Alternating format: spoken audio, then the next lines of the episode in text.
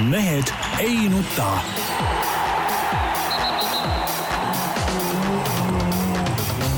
mehed ei nuta. selle eest, et mehed ei nutaks, kannab hoolt Unibet, mängijatelt mängijatele tere teisipäeva, Mehed ei nuta eetris nagu tavaliselt ja ta, nagu ma saan aru, kõllimasin meil töötab täna elegantselt. absoluutselt. aku on kõik täis ja selle eest on meil hoolitsenud Tarmo Paju, Delfi omanik peaaegu. tervist! jah, Peep Pahv, Delfi Eesti Päevaleht. tervist! Jaan Martinson, Eesti Päevaleht, Delfi ja igalt poolt mujalt ja kust vähegi veel. tervist! on teil midagi öelda saate alustuseks säärast, mis südant rõhub oh,? kas ta just rõhub, aga ei, üks asi, mis mulle killukesena nagu kõrva või silma on jäänud sellest nädalast äh, meie poliitmaastikult, on see, et äh, tervitus kõikidele nendele valitsuse ja, ja valitsusparteide liikmetele, kes äh, kes ei ole suutnud Andrus Ansipi kriitika peale öelda mitte midagi muud vastuseks peale selle, et Andrus Ansip peaks üldse oma suu kinni hoidma. et Andrus Ansip äh, ikkagi Eesti mõistes suhteliselt legendaarse peaministrina ma arvan, on teeninud endale välja eluaegse õiguse üht-teist öelda. ehk siis, kui te tahate midagi vastu öelda, siis öelge midagi nagu noh, mis ta siis valesti ütles, mitte et tema hoidku suu kinni, kuna ta on eurovolinik. asi on selles, et no muidugi mingi Euroopa-meelne vennal ei olegi midagi seletagu seda Euroopas, kui tahab, see esiteks, teiseks ta ei eksis loomulikult, sest et kes alustas seda aktsiiside jama, oli tema enda kodupartei Reformierakond. oota, Peep, nõus, alustasid, aga kui sa näed, et asi ei tööta kui sa näed, et asi ei tööta ja maksuga hakkab see liikuma Lätti, siis järelikult Nemad avasid selle laeka. ja mis laek, otsustab Põnts Peep tuli ikkagi nüüd selle viimase Ossinovski ja Ratase juhitud otsuse, mis mõttes avasid? mingi maani oli see mõistlik. ei no nende plaan oli ka ju pikemalt pidigi tõusma kogu aeg ju. mingi, mingi maani oli see täiesti mõistlik tegevus veel ju noh. midagi mõistlikku. absoluutselt, Läti tegeleb ju ka nende tõstmisega tegelikult ju noh. jaa, aga seal juba reformi ajal pandi ju see pikem tõstmisplaan ju paika, mis te jamate. ei no jaa, aga see ongi, nemad panid pikema paika ja kui selgub, et see asi ei toimi, siis järelikult tuleb ju aga teine asi on see, et kui Ansip tahab midagi Eesti jaoks teha, siis tule ja tee tule ja tee siis, noh. no ma ütleks, et ta on teinud ka üht-teist no, on teinud, no jah, aga, aga kas, see, kas vanad teened siis jah, see ei ole, siis peab suu kinni hoidma. ma, ma küll ei näe ühtegi põhjust, miks siis peab suu kinni hoidma. ja, ja Peep, seal, seal oli kas see teeb tema, kas see teeb tema ütlused automaatselt valeks, et ta ei asu Eestis praegu? minu arust ei tee. jaa, muidugi teeb, sest ta ei tea Eesti elust midagi, ta ei ole Eesti elusega seotud ju. ütleme, väide, et ta ei tea Eesti elust mitte midagi ma arvan, et ta on, ta on Euroopa Liidus kuskil. no mis see, see tähendab, et ta ei tea Eesti elust mitte no, midagi või? ma arvan, et ta teab Eesti elust ja, ja poliitikast ilmselt rohkem kui meie siin kolme peale kokku ja ta korda veel rohkem. ta on, ta on valinud endale lihtsalt mingi mugava äraolemiskoha kuskil Euroopa Liidus ja ongi kõik, niisuguse jutt ei maksa mitte midagi, see on nagu selgemast selge. ja aga, ja, ja teine. kui ta õiget juttu räägib, siis tule hakka tegema, tead. ja teine asi oli see, et, et noh, nagu ma ei mäleta, kes, kes nendest vastastest seal ütles, et et noh, et Ansip ei saa ikkagi sellest viina hinnast üle küsimus ju, kallid inimesed, pole viina hinnas, aga sellest kolmesajas miljonis, mis meil saamata jääb. mitte keegi valesti aru saaks, mitte et ma kaitseks aktsiiside ja. Äh, tõstmist, vaid et tegelikult see kogu see jama hakkas selle, selle Reformierakonna äh, ajal juba pihta, et, et, et see on nagu asja point. aga tegelikult see, äh, see kõik on jama, tead, mulle teeb nagu rohkem nagu valmistab, kuidas ma ütlen, nagu siukest kummalist tunnet see meie eelmise nädala siis kultuuriuudis nii-öelda, selle NO teatri sulgemisest see on küll, aga see on küll huvitav värk, et, ähm, et tegemist on ju põhimõtteliselt nagu riigi poolt loodud sihtasutusega, põhimõtteliselt nagu riigiettevõttega, eks ole. Äh, et siin nagu meil üks päev tuligi ühe hea kolleegiga tuli jutuks, et no aga siis võiks ju näiteks äh, Tallinna Sadama juht öelda ka, et kuule, me ei viitsi enam seda teha, paneme Tallinna Sadama kinni. sama teeb välja. põhimõtteliselt küll, jah. et kuidas, mis, mis, mis, mis jama see on, et nüüd kollektiivi otsus, me paneme ettevõtte kinni, riigiettevõte, paneme kinni. kui ei taha tööd teha, palun anna lahkumisavaldus, mine ära, eks ole, küll siis tulevad uued inimesed ja, ja teevad edasi seda siis no,, kes tahavad palgale tulla. õige jutt, jah. et noh, see on ju täielik nonsenss ju tead, noh. see ei olegi riigiettevõte, on Tarmo ju noh no., eks ta, eks ta päris Tallinna Sadam ei ole muidugi. ei, mis mõttes ei ole? no selles mõttes, et ei, no ta on ju täpselt samamoodi no üheksakümmend üheksa ei ole sellisel kujul vajalik, eks ole, hädavajalik riigile nagu Tallinna Sadam. mis tast loodi üldse siis? No et pak-, saad aru, ei saa niimoodi olla. Ei, ma olen nõus sellega- kas nad üldse lahkumisavalduse on esitanud? ma olen nõus sellega, et siin on teatud nagu totrus sees, nagu äh, Andrus Kivirähk ka laupäevases LP-s ju kirjutas, eks, et ega spordivõistkonda ei saadeta ka laiali, kui a la treener läheb minema, on ju, võetakse uus. no mis nüüd ütleb siis, Draamateatri juht on Rein Oja, eks ole, kui ma õieti praegu mäletan. Rein Oja ütleb, et kuule, ma ei viitsinud Draamateatrit vedada, pane teatri kinni. no, no ju siis paned. Nüganen ütleb, Linnateatrit kinni. noh, täielik jama ja siis ja veel üks asi mulle. aga, aga noh, see no., see minu arust nagu see isegi nagu põnevam pool, mis on noh, nii NO üheksakümne üheksa puhul alates, mitte alates, aga noh, mis oli eriti markantselt kuidagi näha, oli siis selle vabariigi suure sajanda juubeli puhul selle selle grandioosse etendusega, kuhu kulus ka grandioosselt palju raha, ikka nagu uskumatult palju raha, olen ma tagantjärele nagu aru saamas. ja, ja noh, üsna palju ka ütleme siis nende nagu loojate enda honorariks, eks ole, selle etenduse loojate, eks, on üldse see kogu see kultuuriinimeste nagu arusaam eelarvetest, raha kulutamistest, et et see ei puuduta ju ainult nüüd no üheksakümne üheksat, aga seal äh, Eesti Kontserdid ja ja, ja kõik see rida, eks ole, et et noh, ütleme, mõtteviis on umbes selline, et noh, et teie aga makske ainult ja noh, pole teie asi, kuidas ma kulutan seda raha. nii, ja veel enne, kui spordi juurde lähme, ütleme militaarmaastikult tahaks ka korra läbi põigata. aa, nendest ki-, nendest meestest, kes kinnaste puudumise pärast muretsesid ei või?, ei rohkem ma tahan öelda seda, et et, et mis nüüd saab siis, need mehed, kes ei käinud seal sellel mingil naljakogunemisel, et kas neile saab trahvi teha või ei saa? loomulikult ei saa, sest näidake mulle Eesti põhiseaduses niisugune kohustus, et mul peab olema mobiiltelefon või mul peab olema arvuti, et äh, vaadata oma emaili, et seda äh, nii-öelda õppuse kutset, kordusõppuse kutset kätte saada. ei ole sellist kohustust. ega ei ole, põhimõtteliselt. et kui tahavad mind kutsuda, palun saatke mulle kiri või telegramm, kui on vaja kiirelt. aga kui sul tegelikult on telefon ikkagi? ei no, no asi ei ole praegu selles, kas mul on või ei ole, et see ei, ei mõtlen, saa kus... olla, saad aru, see ei saa olla alus et kas ma pean minema või ei pea. mul võib telefon olla, aga ma ei, ma ei lugenud seda. ma mõtlen seda, et kui sa tegelikult vaatasid ikkagi. ei no jaa, no see on teine asi, aga, aga põhimõtteliselt sa ei saa seda kuidagi nagu kindlasti teha, kas ma vaatasin või ei vaadanud. mul on tunne, et üheksakümnel protsendil juhtumitest äh, siiski Nõus, need inimesed on saanud selle Nõus. sõnumi, nad on vaadanud seda vaata, ja otsustanud, et ma ütlen, et ma ei saanud aga seda. süsteem on vildakas, noh. süsteem on vildakas, noh. sest et ei saa olla ei mobiil ega internet või veel vähem mingisugune eesti.ee, et seal on üleval, et vaadake sealt, need ei saa olla küll mingid kriteeriumid, mille põhjal saad inimesi karistada, et kas nad eh, ei tulnud sinna kohale. sest et ei ole ühtki kohustust, ei ole neid, neid asju vaadata. Palun saatke kiri, saatke tähitud kiri eh, või saatke telegramm, mille ma pean, eks ole, allkirjaga vastu võtma, siis ma olen selle kätte saanud ja asi olemas. No ma, ma sinna nii palju polnud varem süvenenud, aga me tegime loo ka, mis ajendi vist sinu küsi-, nendest samadest küsimustest ja. koosolekul.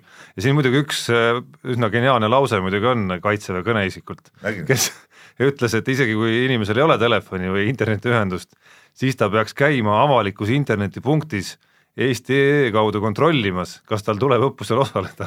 ehk siis iga põhimõtteliselt iga päev peaks käima internetipunktis Eesti.ee-d vaatamas. kontrollimas, et kas sa pead õppusel see on muidugi naljakas Pe. Peep Kõla. see on debiilsus ju, kuule, kaitseväelased, mis teil on ajud on välja tulistatud või mingi saepuru on pähe asemele topitud või, või milles asi, kust siuksed idiootsused üldse pähe tulevad? Peep Kõla, nõukaajast meil oli ju, omal ajal oli reegel et eh, kutse pidi personaalselt inimesele ja kätte toodama. absoluutselt, peabki olema, sa ei saa ju muud moodi, mismoodi, kuidas muud teistmoodi võimalik. nii, ja, ja see, eh, aga selleks olid ka igasugused süsteemid, näiteks mul omal ajal oli see, et et eh, kõik, kes minu juurde külla tahtsid tulla, hea, head sõbrad-tuttavad, helistasid kolm korda tir-tir-tir, siis on teada, et omad vennad. kes seda ei teinud, siis oli kohe kahtlane, siis oli kohe kahtlane, siis kiirelt need üleriided esikust ära, eks, ja siis ema tuleb ukse peale, ei poissi pole juba tükk aega, ei, ei, ma ei võta seda kutset vastu, ma ei tea, kas ma teda näen või mis, mis kõik muud niisugused asjad, eks.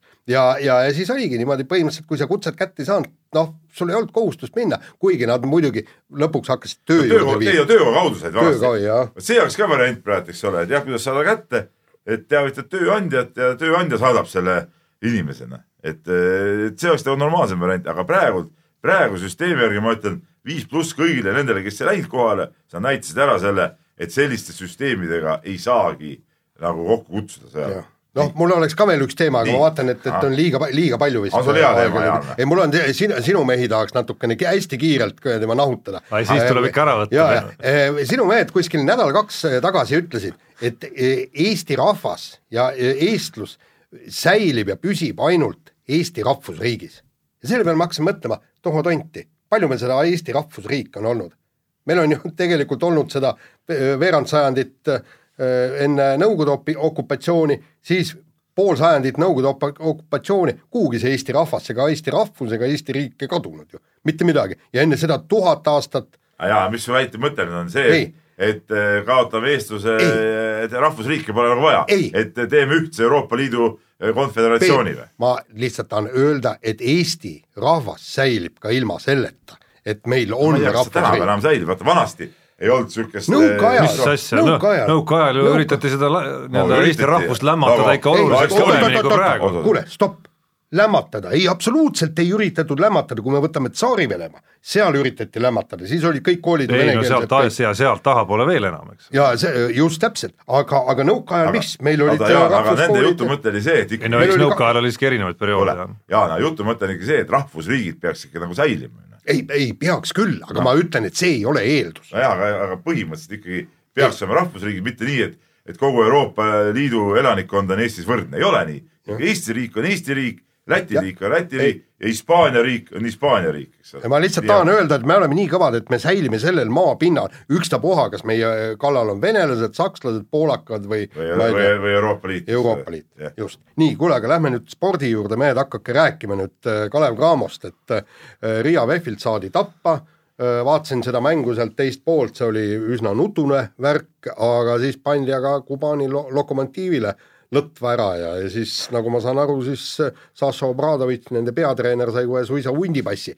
siin tahan ma öelda, kas tõesti Kalev Cramo on nii sitt meeskond, et talle kaotades kohe treener pekstakse minema, tähendab, VTV kontekstis, ütleme tippklubi kontekstis kindlasti muidugi. tähendab, aga, aga mis ma tahan öelda, ma vaatasin seda, ma kahjuks ei näinud tervet mängu, ma olin oma poistega trennis laupäeval, kui see Kalev mängis ja ma nägin äh, lõppu seal, eks ole. see lõpp oli küll väga kummaline, no ma ei, ma ei lugenud nendest lõputegevusest ühestki tegevusest välja, et äh, Lokomotiivi meeskond oleks kuidagi tahtnud seda mängu võita või et neil oleks mingisugune loogiline idee olnud, kuidas seda mängu võita, et see need kummalisemad äh, kolm-neli minutit, mis ma seda lõppu nägin otseülekandes, ühed kummalisemad minutid, mida ma üldse korvpalliplatsil näinud olen. mitte midagi ei toimunud ju. ja ei, ma vaatasin ka seda lõppu jah, täpselt nii oli. Et samamoodi mul poiss vaatas seda ka, laiutas käsi, ütles, et see on no, täitsa nalja, naljaks värk, mis seal praegu no järelikult tulebki peatreener lahti et lasta. esiteks jah, ja, ja tegelikult, mis oli veel huvitav, Obradovitš ise, tuntud nagu siukse suhteliselt nagu äkilise ja kärkija mehena, oli ka selle asja juures väga rahulik nagu tead. et, et, et väga, väga kummaline see lõpp, see muidugi ei vähenda seda nagu no, Kalevi, Kalevi meeste nagu võidu väärtust, eks ole, aga kummaline oli see asi igal juhul. midagi seal meeskonnas oli paigast ära. jah, aga noh, midagi pidi Kalev ka õigesti tegema, et, et see võit hoolimata kõikidest nendest Kubani probleemidest kätte saada, et äh, isegi individuaalselt on selles Kuban Lokomotiivi meeskonnas noh, nii eelarvet kui talenti nii palju, et, et isegi, isegi nagu logiseva mängumasinaga noh, üldjuhul Kalev ei ole selliseid ütleme, logiseva mängumasinaga vastaste vastu väga tihti me ei saa neid võite nagu kätte ikkagi, et lõpuks äh, suhteliselt individuaalsete soorituste pealt äh, tulevad sellised meeskonnad ja võidavad ikkagi ära meid lõpus.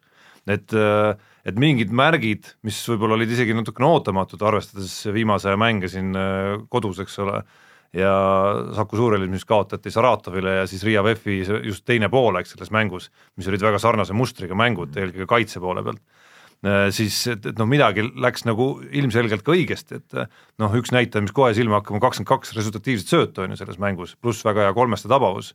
Tõsi, ka suhteliselt hästi välja mängitud kolmeste pealt, et et me, Kalev mängis tuleb öelda meeskondlikumalt selles poolikumas koosseisus äh, kui võib-olla mõnes muus mängus, mis tekitab, ma arvan, võiks peatreenerile ja ja meeskonnale tekitada mingeid mõtteid ikkagi, et äh, et mismoodi seda täiskoosseisus meeskonda, kus on nagu nii-öelda kõik staarid eesotsas Almeidaga kohal, mismoodi see võiks, võiks ja kas saaks ka paremini toimida? selge on see, et Kristjan Kanguri puudumine või olemine nüüd ütleme meeskonna meeskondlikkust mängu jaa, nagu Kangur kindlasti mitte, aga noh, selgelt, selgelt ma ongi pidasin silmas Ivan Almeidat, on ju, et et me oleme esimest korda olukorras, kus meil on nagu kaks staarmängijat, ütleme nagu sellist nagu skooritegijat, kes tahavad hästi palju palliga tegutseda, ehk siis Almeida ja Lewis, ja vähemalt Lewis'i pealt on väga hästi näha, et kui Almeida on kohal, siis, siis minu arust Lewis'e, Lewis nagu taandub natuke või on sunnitud nagu taanduma, et et see, et see meeskondlikkus sellisel hetkel nagu ei ole enam nii hea. no tundub, et ka vaadates siin võistkonna niisugust kehakeelt ja meeste enda kehakeelt, et ega see Almeida ütleme, olek ei ole ka nüüd päris selline ütleme, kõige, kõige ütleme, meeskonda innustavam eh, olnud nendes mängudes, kui ta on kohal olnud.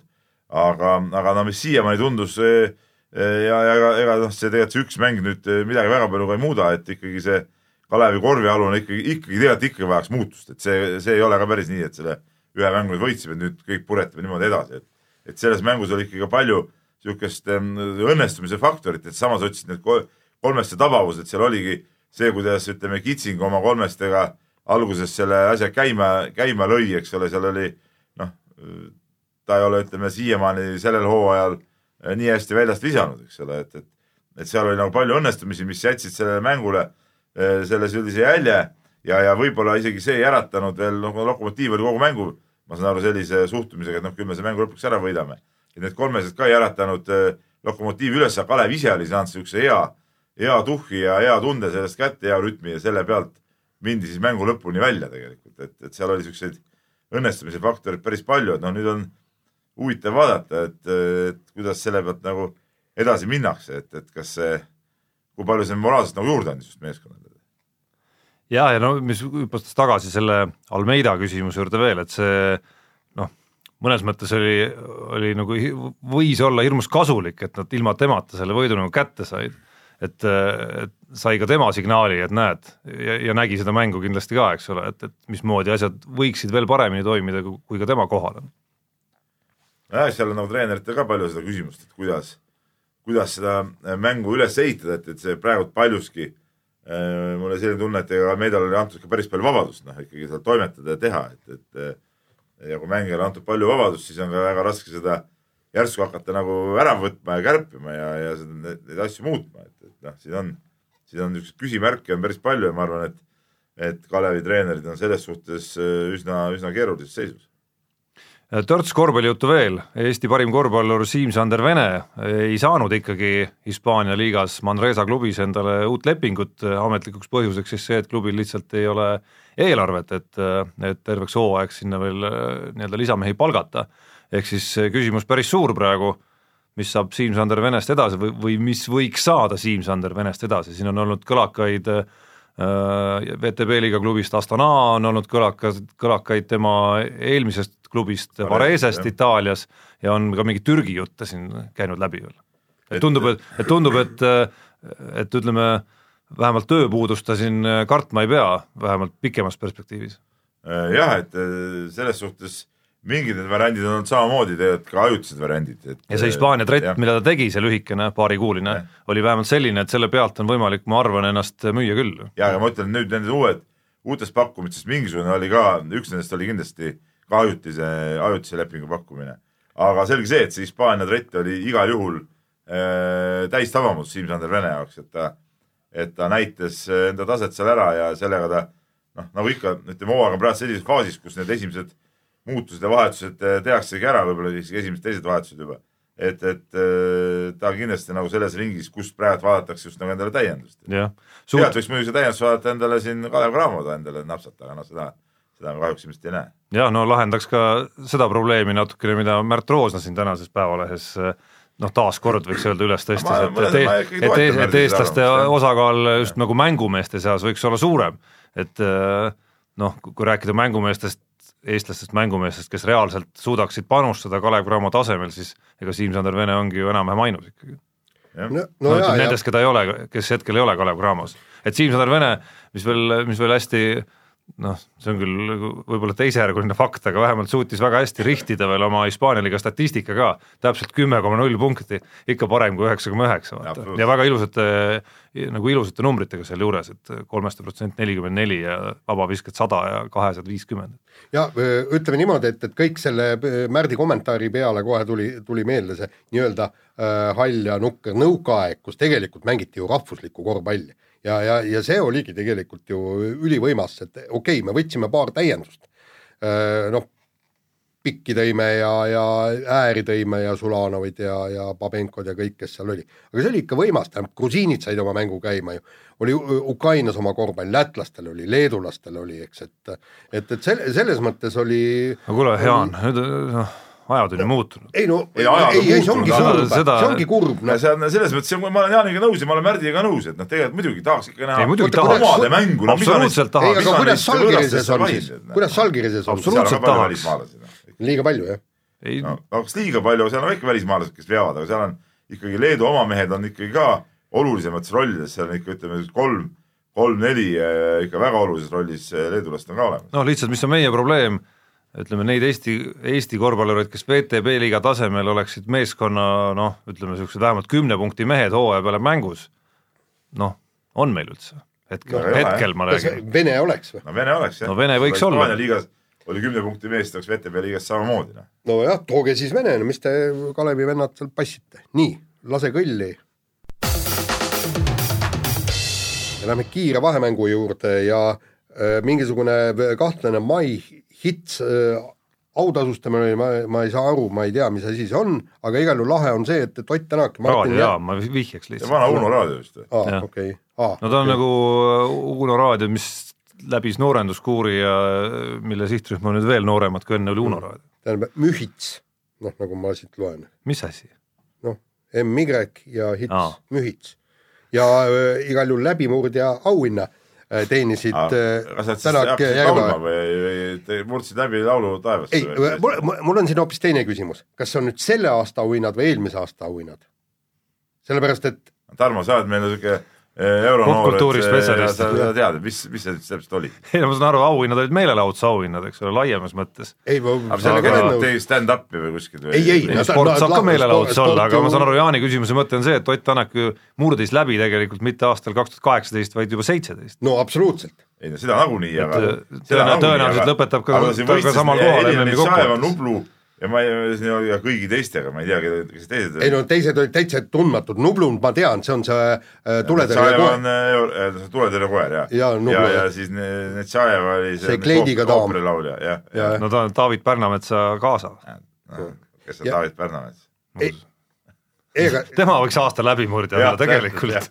ei, aga tegelikult no sa, saate aru, noh, selles mõttes on juba ab- absurdne, et, et me paigutame maailma nimed, paigutame eh, selle tuletõrjekoeraga ja, ja siis kleiditädiga võrdsele tasemele. no ei ole ju ei Netšaeva maailmas mitte keegi ja, ja samuti see koer. ei no aga selles mõttes kõik oli õige, noh, nad ei pai- paigutanudki samale tasemele, Ott võitis ja ongi kõik ei, ei no selles mõttes no, no mis siis konkurents oli kohatu. No kohatu, kohatu. kuigi ma ei saa üldse aru, aga ma saan aru, et, et see on ikka nagu mingi, mingi muusikaüritus oli ja ma nägin ka Kelly Silder oli pannud üles äh, äh, mingisuguse video kuskil Instagrami ja seal nagu mulle tundus, et see üldse nagu mingi, mingi lasteüritus nagu.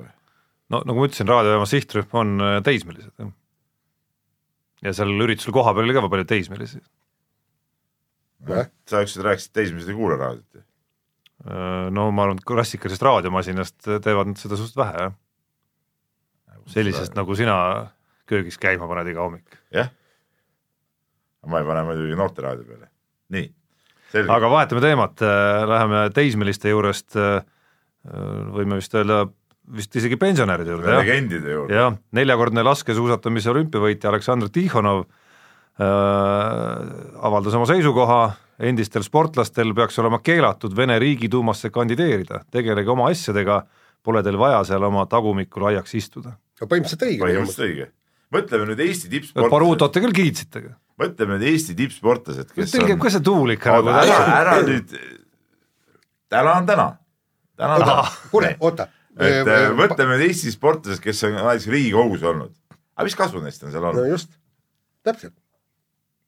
ma, ma, ma just seda taha, tahangi öelda, et, et meil on seal legendaarseid sportlasi, kes ja siis, kui Baruto läheb, siis te ütlete, et oi kui hea, lõpuks üks maamees Ei, äh, no ta tuleb lähebki ka maamehe sinna just, ma tahtsin ka öelda, et ta läheb maamehena, mitte ta ei lähe sportlasena. sportlasena. ja et tema ta, on ikka tubli talunik. ta ei saa, ta tahate väita, et ta Riigikokku ta ei saa tänu sellele, et, et ta on olnud kuulus sportlane. ei.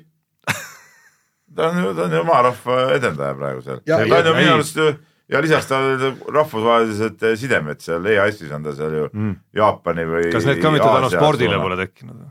ei noh, mina ei tea, mina tean, et ta on praegu seal. ja, ja, ja Tarmo, saad aru, tema läheb ju konkreetset asja ajama, maarahva asja ajama. jah, tal on väga selged põhimõtted, kui me oleme neid aga mis asja näed intervjuusid seal, Jaanson, vot küsimus, Erki Nool, jah, mis asju nad seal Jüri ajavad? Tamm. üks ekssportlane on meil minister lausa praegu. nojah, aga mis asja ta läks ajama siis? no tähtsaid asju. ei no tema on okei okay,, tema on veel, tema läks ikkagi ärimehena., tema läks ärist, tema läks ärimehe, aga, aga mul on siin, siin ka tegelikult noh, need ähm, riigikogulased sportlased. Baruto siiski noh, tulge nüüd maa peale, realiseerib ka siiski praegu oma nii-öelda sportlasena tek-, tekitatud nii-öelda kapitali. kuule, saad aru, tema ajab ju konkreetset asja ja ma olen täiesti see Baruto poolt, kui, kui vennal on omad põhimõtted, ta tuleb sinna, ta hakkab rääkima, mida ta tahab seal Riigikogus ära teha, ta ei hakka seal no eks Nii, aga- seda, seda, mida nad tahavad Riigikogus ära teha, on ma arvan, kõik sportlased sinna minnes siiski rääkinud No- no,. küsimus on, mida siis reaalselt ja, ja kas tehakse ka või mitte. See selgub praktika käigus. nad ei ole teisel alal olnud nii tegijad, kui on Baruta praegu nii-öelda maamehena. ja, ja mi, mida need sportlased üldse on seal teinud, ei ole muhvigi, Eesti sport on nagu on, vindub. nii, aga äh, ilmunud on äh, Kimi Raikkonneni raamat, nagu Jaani jutus sain aru, väga äh, tore lugemine. peab ise ka selle läbi vaatama, aga seal Kimi Raikkonen on öelnud seal ka päris huvitava tsitaadi, ma siin päris ühte sõna välja ei öelda, aga asendan selle siis, et, et kõik on aeg-ajalt siis emmid. miski on valesti, kui sa iial emm ei ole. emmiks nimetatakse sind muidugi päris kähku ka sellepärast, et sa eriarvamusel oled, aga need, kellel pole kunagi oma arvamust, on lödipüksid. noh, kümme punkti no ütleme niimoodi, punkti, et, noh, et absoluutselt õige, noh. Ki- Kimi Räikkönen, ta on noh, niisugune eluterve mees, sa võid pealt vaadata küll, et no niisugune kummaline robothäälega tont, eks. aga, aga kui ta ütleb ka siin ja ta on ka oma pere vastu, ta on raamatus ütleb, ta on emm olnud ka pere vastu ja ta on emm olnud nii mehaanikute ja kõikide, kõikide vendade vastu, aga seda mitte alati, vaid aeg-ajalt. ja, ja, ja, ja niisugust nii-öelda ausameelsust tahaks ju kõigilt kuulda. et selles ei saa salata, lugesin su kokkuvõtet sellest raamatust ja arvustust sellest raamatust, on ikka midagi väga sümpaatset, et, et ta ei taha kaasa teha seda nagu nagu tsirkuse osa sellest kogu sellest meelelahutuse trallist, isegi kui see nagu kuidagi nagu meile ajakirjanikena tundub, et noh, et, et oleks kohustatud, on ju, aga noh, selge, et kogu selles tsirkuses ja, ja meedia poole peal on ju vah-, vahu osakaal on nagu tohutu ja see, kui Kimi tuleb ja, ja ütleb ja väljendab seda noh, üsna markantselt teinekord, et see on üks täielik jamps, on ju, noh siis selles peitub siiski teatav sümpaatsus. ei absoluutselt nii ongi ju. Noh üt, ütleme niimoodi, et, et seal raamatus on ka, seal on nagu, raamatus on tõesti üks läbiv joon on see, et, et kuidas ta meediaga läbi ei saa ja just põhjus ei ole mitte selles, et need meediainimesed oleks mingid halvad või, või midagi, aga, aga aga see, mida nad nüüd vahendavad ja see ongi, see vahendamine ongi ju klikimeediale. Mida ta, mida ta ütleb pärast vabatreeninguid ja seal oli toodud, toodud üks intervjuu oli ka ära toodud, et et noh, et jäi, jätsin vabatreeningutel kolme sajandiku tiimikaaslasele alla, et mis sa sellest arvad? noh, ma ei oska öelda. et mi, mi, mida sa nüüd ajasõidus tahad, olla kiire, et, et mida sa tahad põhisõidus olla, võita. no just, et mis selle, et mis selle mõte on tõesti, ja, noh, et ja, see on ja, tõesti ja mõttetu. kõige hullem on see, et, et kõik need sõnad pannakse kinni ja paisatakse meediasse. vaata, kui Jaan, me, Jaan, Jaan, aga nüüd, mida me ise teeme sulle? ei, me, see ongi ole. just, siis võtab selle Ott Tänaku enne igat rallit, küsime ühtseid samuseid eh, lolle küsimusi, siis tuleb see testikatse, millest Eesti eh, need meediaväljaanded, meie kaasa arvatud, peame otse blogi, nagu see oleks mingisugune võistlus, tead noh. Jah. no mis on täielik debiilsus, no see on, see on üldse, see on Eesti ajakirjandus, spordiajakirjandus kõige debiilsem asi on ralli MM-etapi testikatse otse blogina. Sellele võrdväärselt ei ole võimalik midagi välja mõtelda ja siis ma olen siiski, küsime- ma olen siiski, Peep, Jah. ja, ja siin oled sa ise nüüd kõva alusepanija muidugi sellele, sest sinu, sest sel ajal, kui sina olid Postimehes, hakkas see trall pihta tegelikult. kõik see võistlemine, ütleme suhteliselt, blogisid ei oota suhteliselt ma, ma tahtsingi öelda, kust see kõik algas. algas sellest ajast, kui sina olid Postimehes ja, ja sinu initsiatiivil, ma kahtlustan, ja see tohutu otseblogi võidujooks mis isegi toimus eh, suhteliselt madala kategooria tenniseturniiride Kaia Kanepi esimese ringi mängude ajal Eh, seda küll. Et sealt on see alguse saanud, see oli võistlus vähemalt. aga see testikatse ei ole aga võistlus, nii nagu vabatreening ja siis ma ei vaatan ole võistlus, no mida sa, mida, ja, mida, sa saad küsida? ja siis umbes samal, samal perioodil teinekord vaatasin äh, a la mõnda Soome portaali, Ilda Sanomaid näiteks, olukorras, kus Jarko Nieminen näiteks mängis mõne nagu suure turniiri, noh, ma ei tea, juba tähtsat mängu, isegi nemad ei teinud seda. no jaa, aga kuskil praegu-, kuskil, kuskil see läks üle võlli jaa, läks muidugi. Ja sinu juhtimisel. jaa, ongi läinud üle võlli, tunnistan seda, jah, on läinud üle võlli. sama totter on ju, no enamus nende otseblogide tegemine ongi iseenesest nagu totter, kui sa vaatad ka, ma olen vaadanud isegi Soome neid, ma olen siin varem ka rääkinud, olen ralli ajal vaadanud Soome portaale, seal ei ole mingit otseblogi niisugust, et noh, kui no kui ei ole Soomes toimub ralli, eks. jah, no kuigi siin selles Aga osas ma nagu vaidleks ma vastu, sest ma ma näen jah. sest ma näen, kui tohutu huvi selle vastu tegelikult aga on. testikatse kui selline, noh, no see on mida treeningublogid, no see on ju mõttetu, noh. ja aga, aga, aga muide sama asi ongi see ja siis need küsimused ka, ega meie need enda küsimused on ka sama idiootsed ju tegelikult ju noh, selles ei olegi midagi küsida ja mida sa küsid seal. ja o- ja küsida aga, oleks nuppu on vaja teha ju. ei, saad aru, küsida No oleks, aga sa ei saa seal vastust vot ja, ja, ja tegelikult see ongi see, see, see on nüüd see ajakirjanduse probleem ja vot ma, ma ei mäleta, kes see, kus see, mis see rääkis, eks, et, et vaikselt liigub see ajakirjandus selle vana ajakirjanduse juurde tagasi, kui me jätame välja selle online klikimeedia. et, et see ongi see, et eh, sest ka korvpallis ja kõik noh, tähendab minu meelest on täiesti jabur minna pärast korvpallimängu küsima äh, mängijalt küsimusi, kus, kus sa tead, et tulevad totrad vastused. miks te kaotasite? sellepärast, et nemad viskasid sisse, meie ei visanud. no mis perse, mida ma selle lausega teen, noh.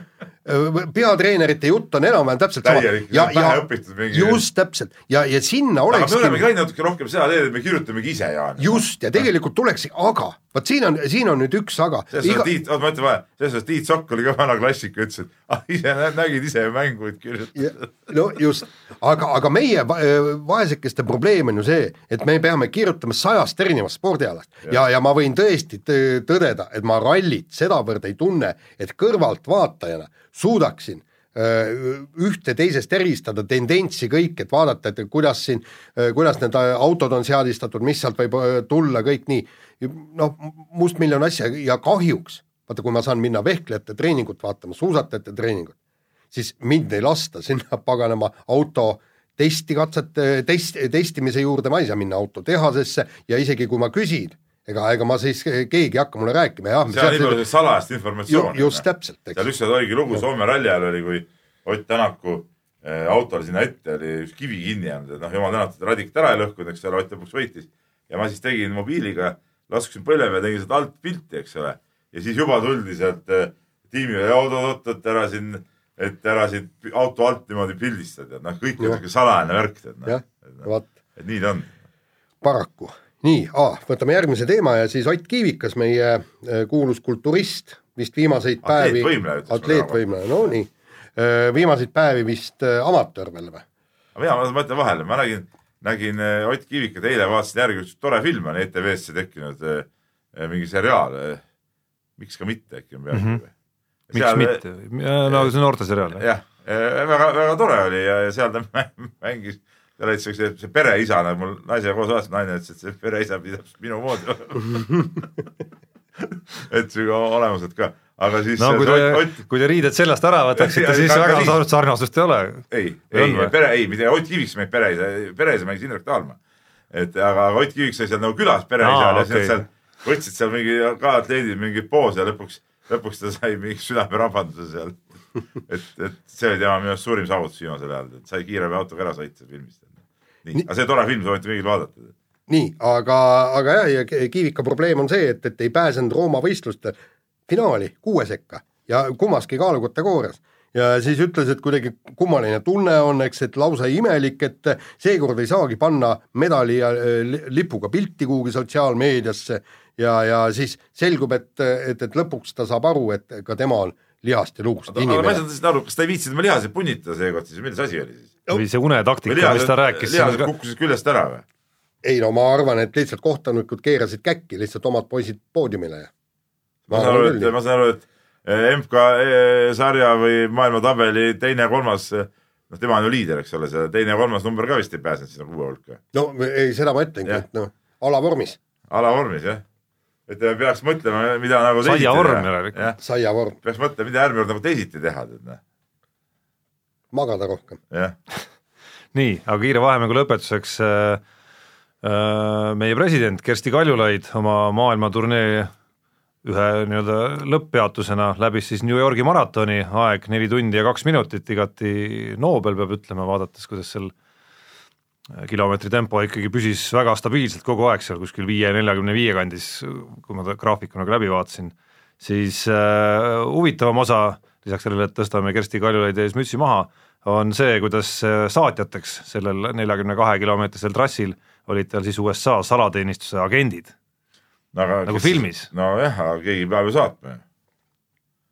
et noh, aga teisalt jälle see näitab muidugi ära jälle, et esiteks nagu ma aru saan, president oli siin nagu mingi maailmaturneel siin vahepeal, mis, mis, mille kulminatsioonis maraton oli, et see näitabki ära, kui, kui äh, tähtis nii-öelda, tähtis on meie presidendi amet ja, ja kui palju seal on nagu vaja teha, et noh, jooksutrenniks jääb ikkagi aega üle piisavalt. tead, Peep, tegelikult on see, et, et kui ta läheb jooksma seal äh, New Yorgi maratoni, sellest natukenegi räägitakse et näed, et Eesti president jooksis meil siin maratoni räägiti kuskil sellest või? no ikka räägiti, jaa, jaa muidugi, ega see uudiski, et, et salateenistuse agendid seal olid, tuli ju rahvusvahelisest meediast. tead, see, see, see toob nii-öelda Eesti palju rohkem publiku ette kui see, et, et kui ta läheks seal ja kuskil, no selge, et, et noh, kui ta Trumpiga saaks seal tunnikene juttu puhuda, aga seda ta tavaliselt ei saa, aga lihtsalt, et kui ta seal räägib siin-seal natukene ÜRO-s, ütleb paar lauset see ei koti kedagi. seda küll, aga kokkuvõttes ma tahtsin öelda, et ega Eesti presidendi amet ongi täiesti mõttetu amet iseenesest. et, et noh, tal ei ole mingit eh, sisulist rolli ei ole. no põhimõtteliselt nii on. laseme kõlli. laseme kõlli. Nii, ja Peep avab nüüd kirjade toa. Eh, kirjade toa võtan ette ja avan postkasti ja, ja Kalle, meie hea kirjasaatja, kes minu teada, nii kui ma Facebookis lugenud, lebab kuskil haiglas selja seljahädadega juba mitmendat nädalat, et, et soovime talle siis head paranemist ka, aga ta on meile kirjutanud, et tere mehed, et Rait Ratassepp on kahtlemata ülikõva mees, püstitades maailmarekordi kahekümnekordses ultratriatlonis, et selles pole kahtlustki. aga ta on seda sõpradega arutanud, et huvitav, mitu triatlonit oleks suuteline samamoodi ja sama tempoga läbima Marko Albert. noh, ütleme, tegemist on siis ütleme Eesti tipptriatlonistiga, et, et et tegelikult ongi nagu huvitav, et kas see, kas see, kas Marko Albert-sugune mees ütleme, suudaks nii palju järjest teha niisuguse tempoga või? no. no kindlasti, ei no nii palju ta ei saa suuta järjest, ta ei ole harjutanud selliseks asjaks ennast. Samas Ratassepp ei saa talle päris triatlonis vastu. absoluutselt mitte, noh. lihtsalt nad ongi treeninud juba nii erinevates asjades, noh. see on umbes nagu saja meetri jooks ja ja ma ei tea, mingisugune kümme tuhat. Noh. aga ainukene asi on see, et Albertil on võimalus treenida ennast selliseks, et äh, joosta ratassepa tempos kakskümmend triatloni. aga ratassepal vaevalt on võimalik treenida selleks, et joosta nii kiiresti nagu, või tähendab, äh, triatloni läbida nii kiiresti, nagu seda teeb Albert. Nii et ühel on võimalused teise tasemele jõuda, teisel ei ole võimalust esimese tasemele jõuda. paraku ma arvan nii. nii, aga äh, kiri on tulnud meile muuseas kaugete Filipiinidelt ja Janar on, ütleme meie kuulaja-vaataja Filipiinidelt on selle siis saatnud ja, ja ralli teema ja tal on niisugune küsimus et tal on juba mõnda aega kuklas tiksunud üks küsimus. Äh, et kas ja kui palju rallimehed kiiruskatsete vahepeal äh, all live'i vaatavad, noh seda äh, ralli ülekannet. et ülesõitul on võimalik kaardilugejal mobiilsest, mobiilist võtta ette ja seda teiste kulgemist ja rajaalusid ja muud sellist jälgida no põhimõtteliselt eh, minu teada on neil oma videod olemas, autos on oma videod ja see on eh, ja äh, kiiruskatsete vahel nad alati vaatavad. alati vaatavad järgi ja, ja, ja, ja kui on see hoolduspaus ka, siis ju kui minnakse korduskatsete läbimisele, siis ka veel ju need kaardilugejad lisaks sellele, et teevad kiire söögi seal, nad ju veel kohendavad legendi ja vaatavad neid kohti ka läbi. ja kusjuures juba ülesõitudel hakkavad see, see, sellega tegelema ja nad vaatavad videost tõesti need katse läbi, läbi jaa, aga noh, küsimuse mõte vist oli ka natuke, kas vaadatakse konkurentide tegemisi, et mulle tundub, et see, see, selle, sellele ei ole, et, et selleks pole küll mahti seal kellelgi ja pole ka vajadust tegelikult. nii, ja meie hea sõber Ants on kirjutanud meile tennise teemadel, Antsuga meil oli siin ka üks pikem eh, privaatsem kirjavahetus Jaaniga. Kuigi see teema meil tuleb kohe, kohe siin pärast kirjade tuba. see oli ka meil teemades sees. no siis, nii et võime selle jätta. siis võime sealt jätta, ette lugemata, siis võimegi teema juurde minna, kell on ka päris palju juba. nii ja, ja Anett Kontaveit äh, lõpetas äh, aasta võidukalt, kuigi nii-öelda B-grupi aastalõputurniiril äh, ta edasi ei pääsenud oma ala, alagrupist ja sai maailma edetabelis kahekümne esimese koha, praegusel hetkel ta on seal. Ja, ja mis nüüd on, et eh, kuidas, kuidas tuleks seda hooaega hinnata? tähendab, mõtted on väga kahetised.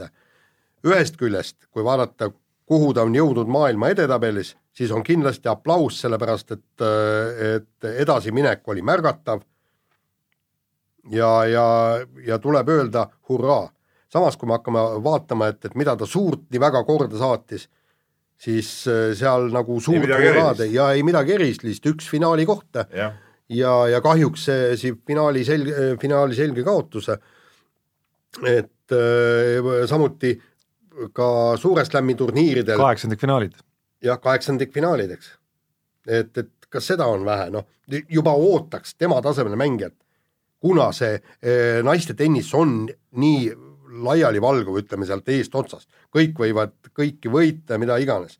Ootaks juba poolfinaali kohta vähemalt Suure Slami turniiridel, vähemalt. jah, no ma arvan, et ma miskipärast kahtlustan, et ma ei tea, kui avameelselt ta nüüd ise selle noh, nagu kõik südamelt ära räägib kuskil, aga ma kahtlustan, et tema enda resümee võiks olla umbes samasugune, et, et kokkuvõttes ma arvan, ta on pigem nagu, pigem nagu rahul selle esimese poolega kolmekümne neljandalt ütleme aasta, mille sa noh, nagu Ants kirjutab meile, eks ole, selles samas ei, kirjas ka. natuke teisel teemal tegelikult, kui me siin praegu ei no tal oli, võib-olla ma olen kirjad sassis, eks ole, et et maailma edetabeli koht näitab ikka noh, väga selgelt seda, mida sa oled reaalselt aasta jooksul teinud, on ju, et selge, et eriti naiste tennises noh, need kõikumised on väga suured, sa võid ühel nädalal kaotada esimeses ringis, Äh, võib-olla veel kaks nädalat kaotada esimeses ringis ja siis äh, aga noh, see kogutulem saabub ikkagi nagu aasta kokkuvõttes ja ja see on selge nagu mingi mõõdik ikkagi see kakskümmend või kakskümmend üks, milleks ta kujuneb lõpuks siis aasta lõppedes, on ju.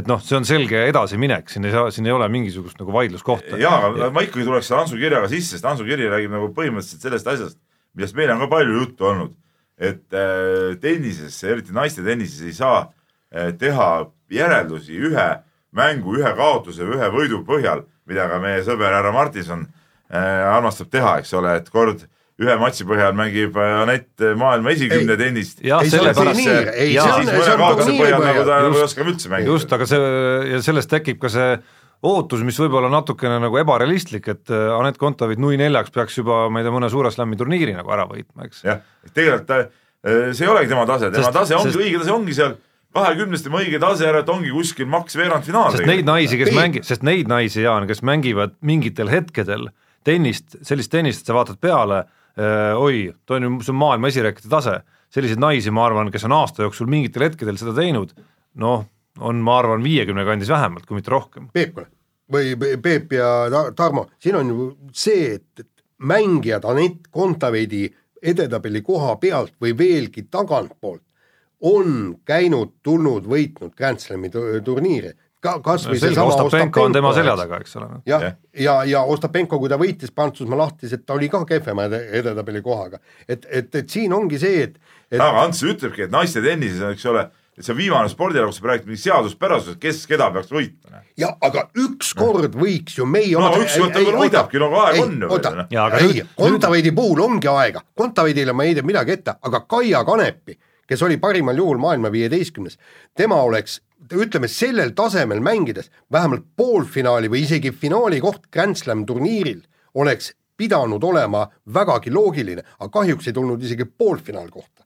vot see on see, see küsimus, et miks igasugused ma ei ütle, et suvalised tennisistid, aga ütleme nii, et, et ikkagi mitte maailma eliittennissistid tulevad ja võidavad Grand Slami turniire, aga meie omad ei pääse isegi poolfinaali. jaa, aga no mis puudutab Anetti, tema juurde tagasi tulles, siis noh, sisuliselt tema jaoks nüüd algab siis see periood või see ajastu, kus äh, on alust oodata iga kord seda ja, ja kus ütleme, kui ta nüüd tahab tõesti sealt kahekümnelt edasi minna, selle eelduseks ongi sellised kordaminekud, nagu sa kirjeldasid et sest kui sa ei jõua veerandfinaalidest näiteks kaugemale suure slam'i turniiridel, no siis sa naljalt sealt viieteistkümnenda kandist edasi ei tõuse ka lihtsalt. no ütleme, et, et, et seal sa, sa peadki suurel turniiril jõudma väga kaugele, sest seesama, kus ta äh, Hiinas vist mängis seal äh, finaali, oleks ta selle turniiri võitnud, ta oleks tõusnud ainult ühe edetabeli koha.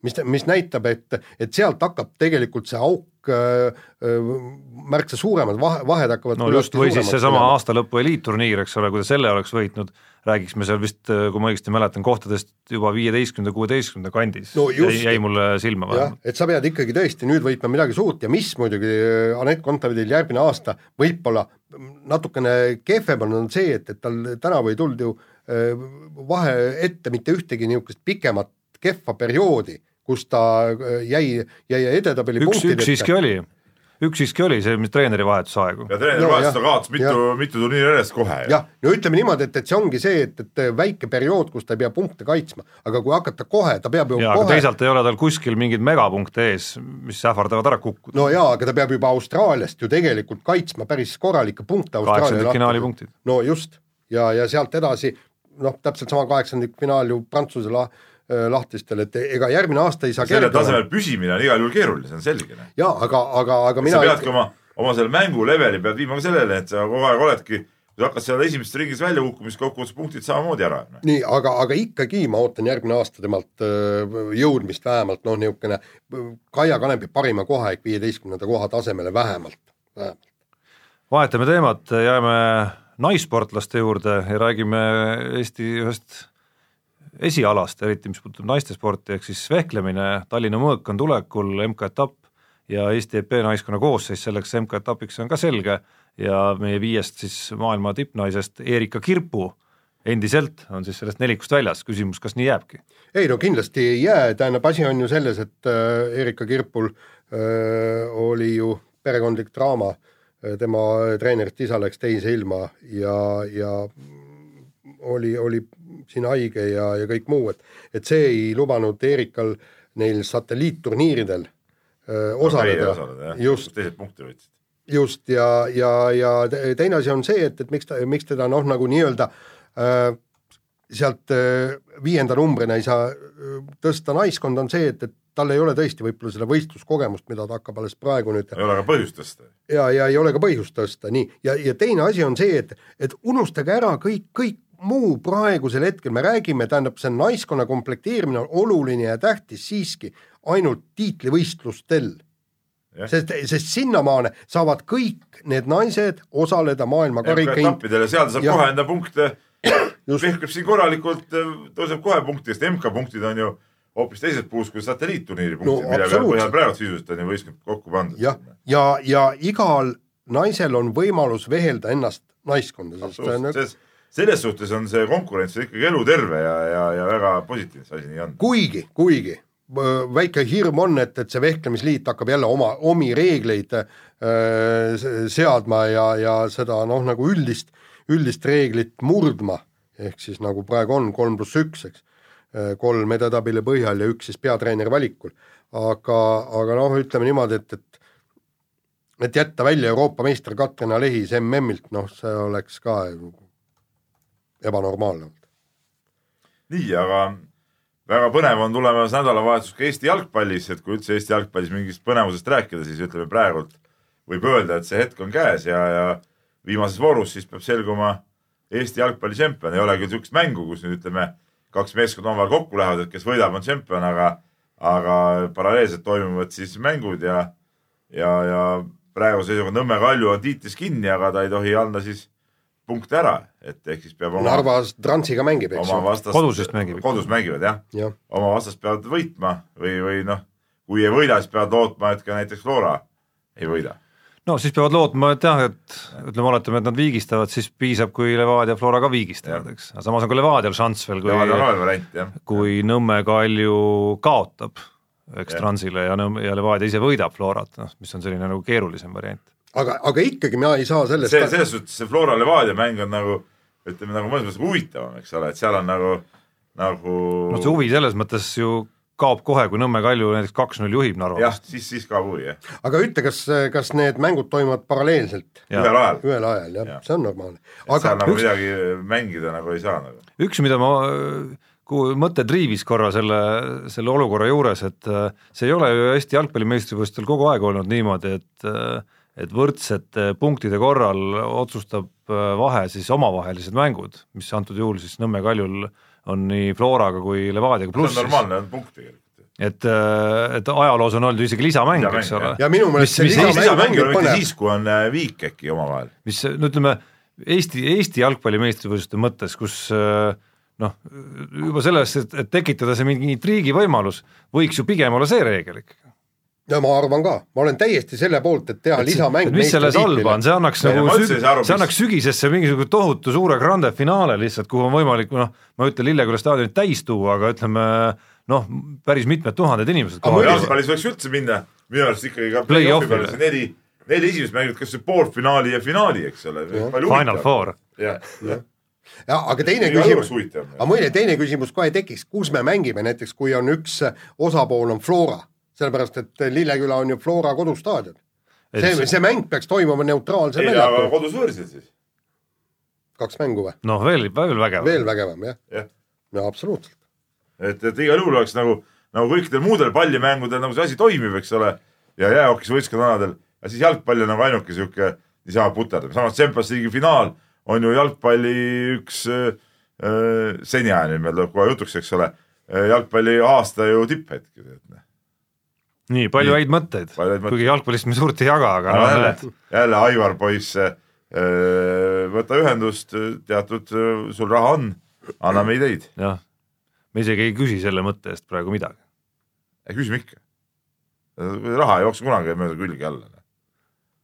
okei okay,, võta ühendust, Peep, Peep peab läbirääkimisi. jah,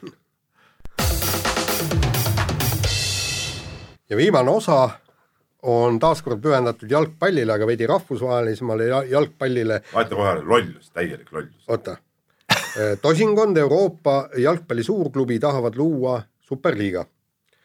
siiamaani ei ole teada, millises, täpselt millises formaadis, kuidas, ma kas ei no siin on räägitud mingist kuueteistkümnest No satsist on- neljastest alagruppidest, kodus võõrsi süsteem ja lugesin kõige see ei põhiuudis, just kodus võõrsil kuusteist satsi mängivad omavahel läbi ja siis on play-off'id. ei, ma olen ka näinud mingit alagruppide mingisugust ei, ei see, see on jura, see, see alagruppide, see on samasugune Kuigi see- kuigi sellel ei tundu mõtet olevat. Ju teha läbi hooaja kestvat Ei, sarja, nagu ole. Euroliigat, no jaa, kuidas sa siis alagruppides seda mängid? nii, ja teine asi on see, et, et osad satsid nagu öö, tundub, et, et mängikski siis ainult seda superliigat, osad satsid vist Arsenal või ke, kes iganes seal öö, ütles, et, et tema ikkagi tahaks Inglismaa meistrivõistlustel jätkata ja kõik muu niisugune asi. samas, kui ma nüüd hakkan mõtlema, meil on siin su suured vaidlused olnud Peebuga ja, ja kõik, et no ausalt öeldes, no vaata, Peep, kui sina näiteks teeksid endale, tuleks seal Vasalemma, Rummu, Keila ja, ja Paldiski kolme peale või nelja peale ta, tahate teha oma korvpalliliigat. palkate head, head mängijad, eks, et äh, võib-olla Luka Dontšitšil, kelle, kelle, kellegi on raha või palgata või niimoodi, teete oma liiga ja hakkate omavahel mängima. ja, ja, ja rahvas tuleb vaatama, kuna on väga head mängijad. ja, ja, ja rahvas tuleb neid, seda tšempionaati rohkem vaatama kui Eesti meistrivõistlused. kas see on keelatud?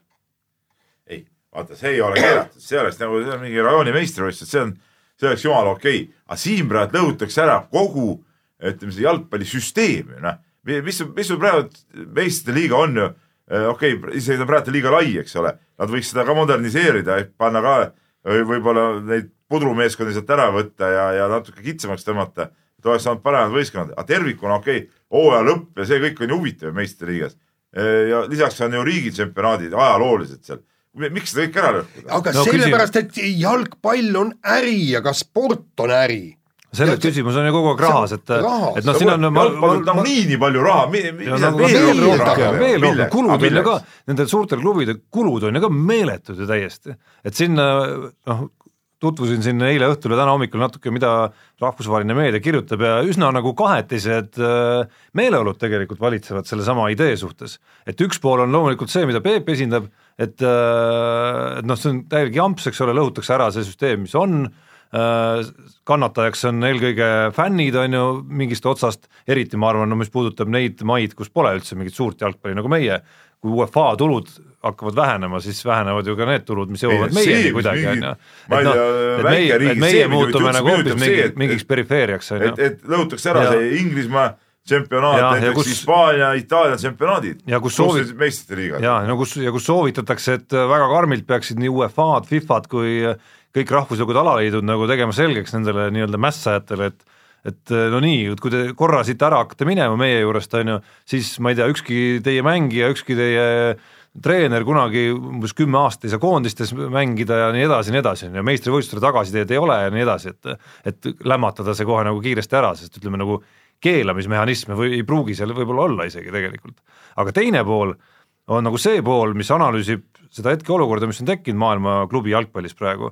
Ja just selle poole pealt, et kui sa võtad need klubid nagu Manchester City'd ja Realid ja Barcelonad ja ja Pariis Saint-Germain'id, siis need eelarved on läinud nii kosmiliseks. Ja vahed nende tippude vahel ja siis ütleme nagu kogu selle ülejäänud jalgpallimaailma, ütleme, ma ei tea, Itaalia liiga keskmikud ja Inglise liiga keskmikud on läinud nii meeletuks, et võib-olla olekski mõistlikum need nagu megaklubid panna omavahel mängima rohkem ja siis las need, kes tegutsevad nagu mingisuguses nagu finantsloogika alusel, las nemad siis mängivad omavahel. ei, see lõhub ikkagi selle, no mis väärtust aga mis see, aga miks, aga mis Euroliigas halvasti aga Euroliiga meeskonnad mängivad ju oma riigi meistrivõistlusi. oma riigi meistrivõistlusi mängivad. Euroliiga nad... ongi väga hea asi ja Euroliiga on hoopis teine olukord, seal peaks, seal peaks Fiba oma lollused ära lõpetama mingid meistrite liigad ja mida seal soperdavad. kusjuures sellest ma ei olegi aru saanud. ja, ja, ja võtma selle Euroliiga ikkagi oma eliitturniiriks nagu tead noh no,. mida? no ta ongi tegelikult eliitturniir noh ja seal on väga hea süsteem. Ja ka seda süsteemi ei tohi lõhkuda.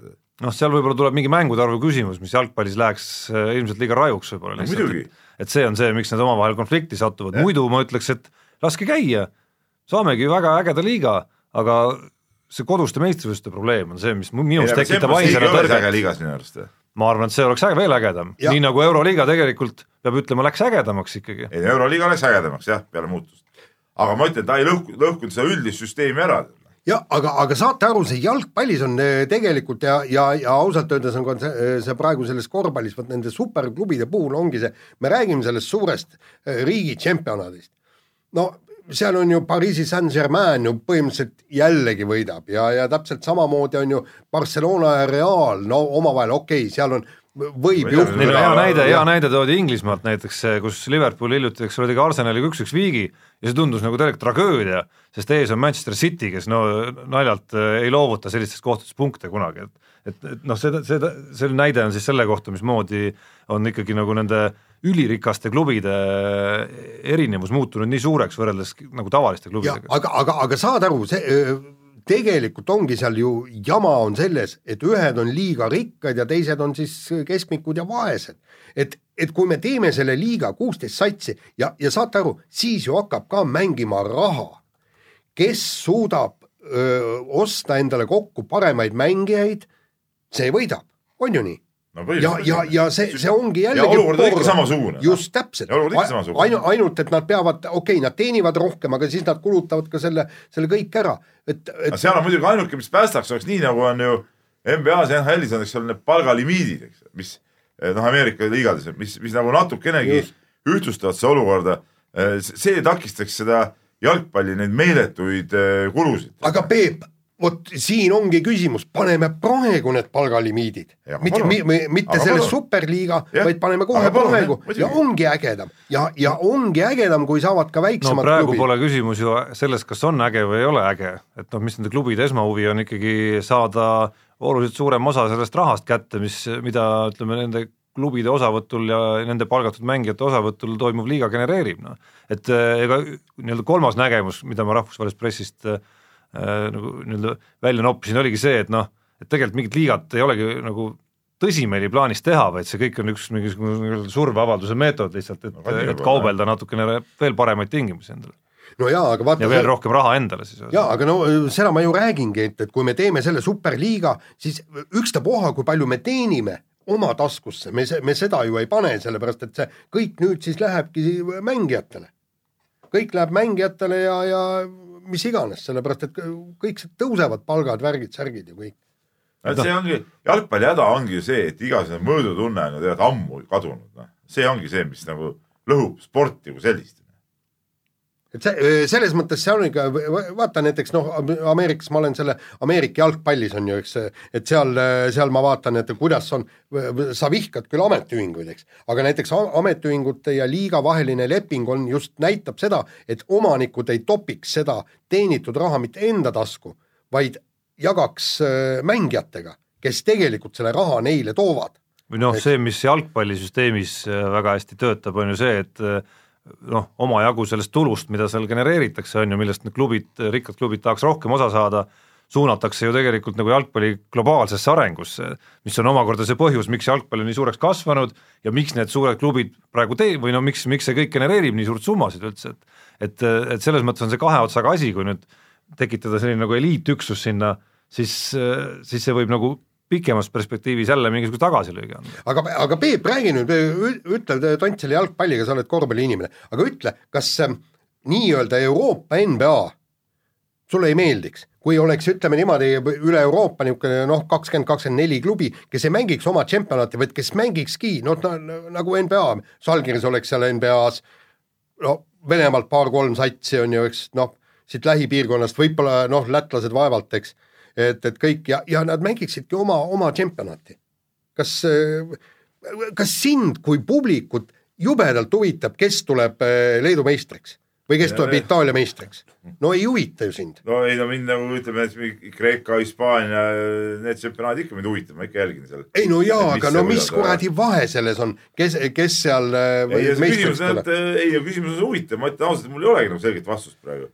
Euroopa NBA no.. sest, Euroopa. euroliiga mõnes mõttes ongi Euroopa NBA, et ega, ega nende klubide jaoks need riigi äh, okei okay, äh,. no lihtsalt ta ei ole veel nii suur. ütleme Leedu jaoks Leedu äh, tšempionaadi mängud ongi ju teisejärgulised, see on ju selge, eks ole. et kui sa nüüd võtad CSKA nagu... jaoks VTB liiga mängud on ka teisejärgulised. absoluutselt, vähemalt kevadeni. et noh, kui sa võtad Kaunase Žalgirise vaatenurgast näiteks, äh, siis kas mängida hooaja jooksul, see on siis kolmkümmend Euroliiga mängu, millest viisteist kodus on ju, pluss play-off, ja siis ports Leedu liiga mänge sinna otsa, versus see, et võtame ära need Leedu liiga mängud, aga Euroliiga mänge veel kaks korda rohkem, viisteist korda saad veel oma saali täis.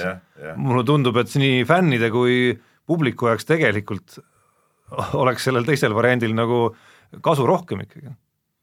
ja seda küll, sellega ma nõus, aga mis, aga tulles jalgpalli juurde tagasi, jalgpalli Champions League'il ei ole ju mingit eh, probleemi praegu ka ju publikuga, ei ole tippsatsidel ju Inglismaal ei ole ka probleeme ju Inglismaa liiga mängudega. küll aga probleeme Itaalias näiteks. ei, ei ütleme ka Inglismaal ja seal, kui sa vaatad, ega, ega need meistrite liiga mängud äh,, alagrupi mängud mingisuguste tontidega, ega see ju äh, tribüüne täis ei too. toob ikkagi tõesti tugev vastane. seda on isegi Euroliigas, minu, see on täiesti subjektiivne ja ei põhine ühelgi numbril, aga mulle tundub, et ka Euroliigas on näha seda, et kui külla tulevad ikka, ma ei tea, Tarussafakad või Gran Canariad siis, siis on saalid tühjemad. kindlasti muidugi. no vot. no ütleme, ega Kaunaski tahavad ikka, ikka Žalgiris Reali vaadata, mitte Žalgiris. ja no Žalgiris on erand, eks ole, seal no, okay. on kogu aeg saal täis. no peaaegu. kogu aeg ka päris ikka ei ole, noh nii. no peaaegu no, vähemalt. viimane aeg on olnud, eks ole. aga ei, no loomulikult, loomulikult jah, ei. väike mõt-, mõttekoht see on, aga mulle lihtsalt tundub, et jalgpall nagu läheb liiga selle raha ohvriks, et muud, muud midagi. aga, aga, aga nagu sa näed, eks korvpalli nii-öelda Euroopa NBA oleks jumalast lahe asi, aga miks ei ole siis lahe asi äh, jalgpalli nii-öelda NFL? no ei mõtle, et mingi nurga alt olekski. mingi nurga alt jah, ei ma pean Jaaniga nõustuma, et, et selles kontekstis jah, okei okay., aga ikkagi, mis saab siis nendest, äh, vaata Inglismaal on see jalgpallikultuur juba nii vana ja, ja seal ikkagi see võib kogu selle asja nagu väga vaata, seal, seal on ka see asi, et publik jälgib ju tegelikult, üle maailma publik jälgib äh, Inglismaa jalgpalli meistrivõistlusi ja. ja Saksa meistrivõistlusi, neid jälgitakse ka, Hispaaniat eriti ja kui on see El Clasico, nii. kuulge, me oleme siin tükk aega juba lobisenud, aitab küll. ega muud ei ole, kui kuulake meid äh, järgmisel teisipäeval, nägemist. mehed ei nuta